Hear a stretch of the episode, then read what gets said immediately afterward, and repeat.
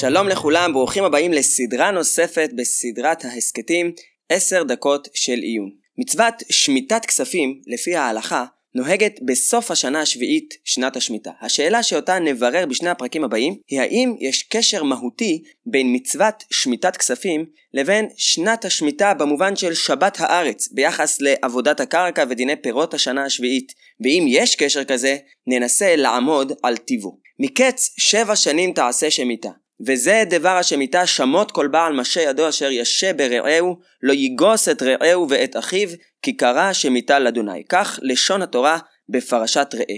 מה פירוש המילים תעשה שמיטה? על איזו שמיטה מדובר כאן?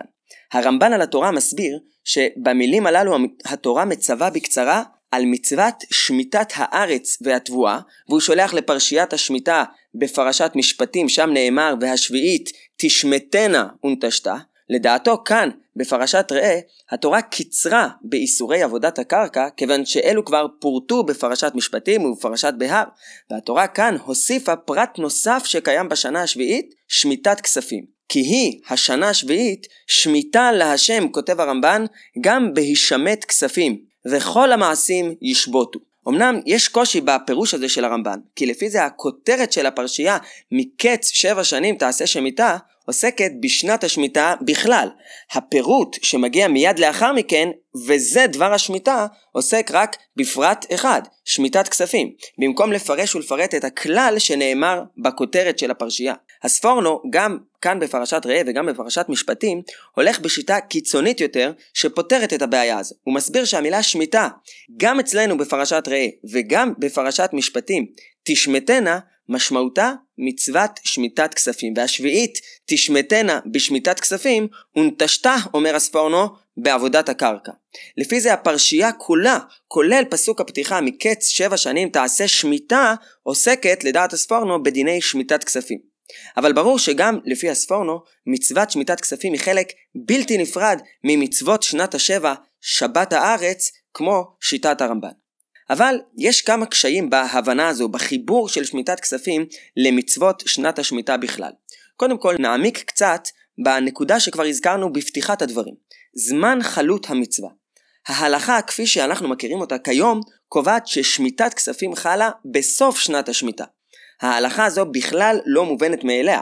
אמנם התורה כותבת מקץ שבע שנים תעשה שמיטה, אבל חז"ל בספרי מסתפקים האם הכוונה היא מתחילת השנה או בסופה, ולומדים בגזרה שווה מהמילה מקץ שנמצאת בהמשך ספר דברים במצוות הקהל, שהכוונה היא לסוף השנה.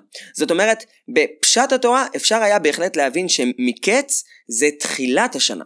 נכון שבעברית שלנו המשמעות של מקץ היא סוף, אבל מקץ שבע שנים לא חייב להיות סוף השנה השביעית, אלא יכול גם להתפרש כבסוף תקופת שבע השנים, או במילים אחרות, בשנה השביעית שהיא סוף יחידת הזמן של שבע השנים. ממש כמו שאומרים היום, סוף שבוע, מתכוונים ליום או היומיים האחרונים של השבוע. הוכחה לפרשנות כזו נמצאת בפסוקים בספר ירמיהו, שהרמב"ן בפירושו לפסוקים כאן בראה מביא, לגבי מצוות שילוח עבד עברי לחופשי. ירמיהו מזכיר לעם ישראל שבברית שהשם קראת איתם בצאתה ממצרים, זו שנכתבה בפרשת משפטים, נאמר ש... מקץ שבע שנים תשלחו איש את אחיו העברי אשר ימכר לך ועבדך שש שנים ושילחתו חופשי מעמך. איך ייתכן ש"ועבדך שש שנים", אבל השילוח נעשה מקץ שבע שנים. השילוח הרי נעשה בתחילת השנה השביעית ולא בסופה. מכאן שמקץ שבע שנים יכול להתפרש גם ביחס לתחילת השנה השביעית, שהיא סיום התקופה של שבע השנים, ואגב, כך גם פירש האבן עזרא את פשט המילים מקץ שבע שנים תעשה שמיטה בפרשת ראה. גם בחז"ל במשניות ישנם מקורות שמהם עולה שמצוות שמיטת כספים חלה בתחילת השנה השביעית, ומעניין שגם בראשונים יש לשיטה הזו שריד בדברי הראש. הראש במסכת גיטין סובר שמצוות שמיטת כספים חלה בשתי פעימות. עם כניסת השנה השביעית מפסיקים בית הדין לעסוק בגביית חובות, וגם למלווה עצמו כבר אסור לגוס את הלווה ולתבוע את החוב. אמנם בשנת השמיטה עצמה החוב עדיין קיים, ולכן אם הלווה פורע את החוב מעצמו, מותר למלווה לקחת את ההלוואה, והוא לא צריך לומר משמט אני. בסיום שנת השמיטה, לפי הראש, רק אז חלה שמיטת כספים במילואה, החובות נשמטים, ואז לא רק שאסור לתבוע את החוב, אלא גם אסור למלווה לקבל אותו, בלי לומר ללווה משמט אני, ואז הלווה אומר לו אף על פי כן ונותן לו את זה בסוג של מתנה. אגב, על פי זה קבע הראש שאי אפשר לכתוב פרוסבול במהלך שנת השמיטה עצמה, כיוון שתפקידו של הפרוסבול הוא לאפשר למלווה לגבות את החוב. וכיוון שבשנת השמיטה חל כבר איסור לא יגוס, הפרוסבול חייב להיכתב לפני תחילת שנת השמיטה, לפני שיחול איסור גביית החוב.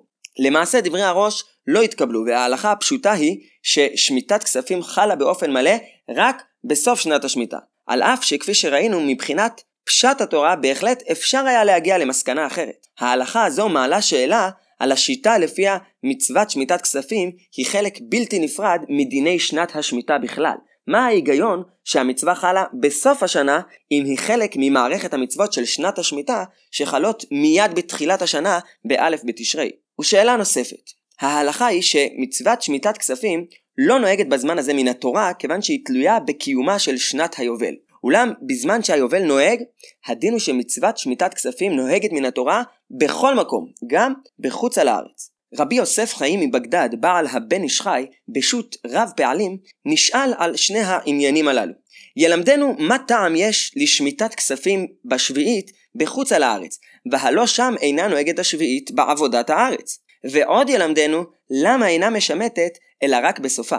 על השאלה הזו ענה הבן איש חי, שאלות אלו גם אנוכי נתעוררתי בהם, ובדברי רבנו הארי לא מצאתי להם טעם, ואני איני כדאי ואין בי כוח לחדש טעם לזה. בהמשך הוא מביא לעניין הזה הסבר ששמע מפי חכם מקובל, אך הוא מסיים את התשובה בכך שלא הבנתי דבריו בזה.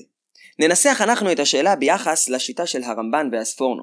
אם מצוות שמיטת כספים היא חלק מדיני שנת השמיטה, מה ההיגיון שזמן המצווה שונה, ומה ההיגיון שמיקום המצווה שונה? מדוע לא נאמר שמצוות שמיטת כספים נוהגת רק בארץ ישראל, כיוון שהיא חלק ממערכת הדינים של שמיטת הקרקע שחלה רק בארץ ישראל? השאלות הללו יכולות להוביל אותנו לכיוון מחשבה חדש בנוגע לעניינה של מצוות שמיטת כספים, כיוון ששמעתי מחמי רב דוד הנשקה.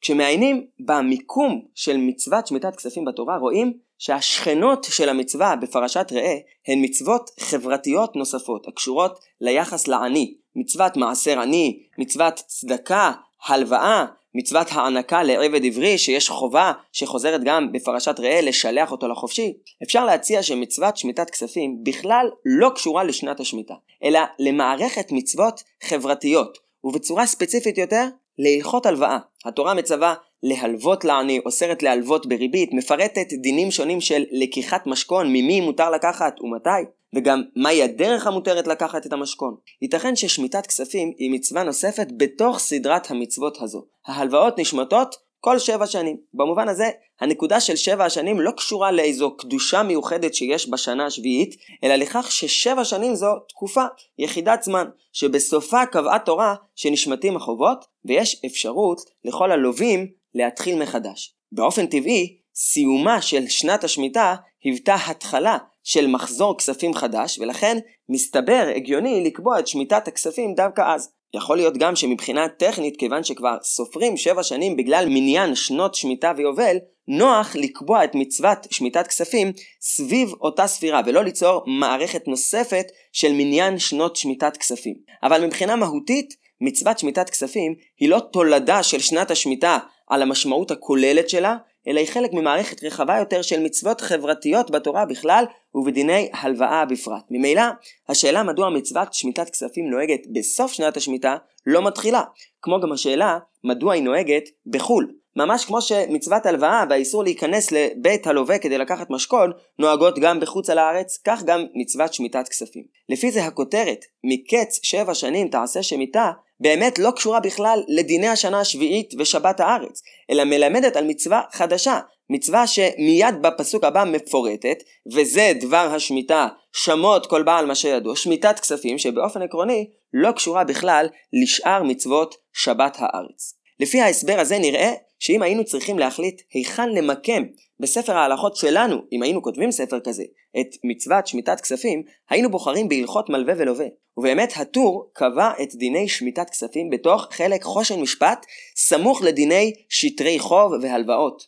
אבל לא כך עשה הרמב"ם. הרמב"ם קבע את הלכות שמיטת כספים בתוך ספר זרעים בהלכות שמיטה ויובל. האם הסיבה לכך היא טכנית בגלל הצמידות למצוות יובל ששמיטת כספים תלויה בה כמו שהזכרנו קודם? או שלדעת הרמב"ם כן קיים קשר מהותי בין שנת השמיטה למצוות שמיטת כספים. בפרק הבא נציע כיוון נוסף להבנת עניינה של מצוות שמיטת כספים, הסבר שיקשר באופן מהותי בין שנת השמיטה לבין המצווה, אבל גם יענה על השאלות ששאלנו מדוע המצווה חלה בסוף השנה, ומדוע היא מתקיימת גם בחוץ לארץ.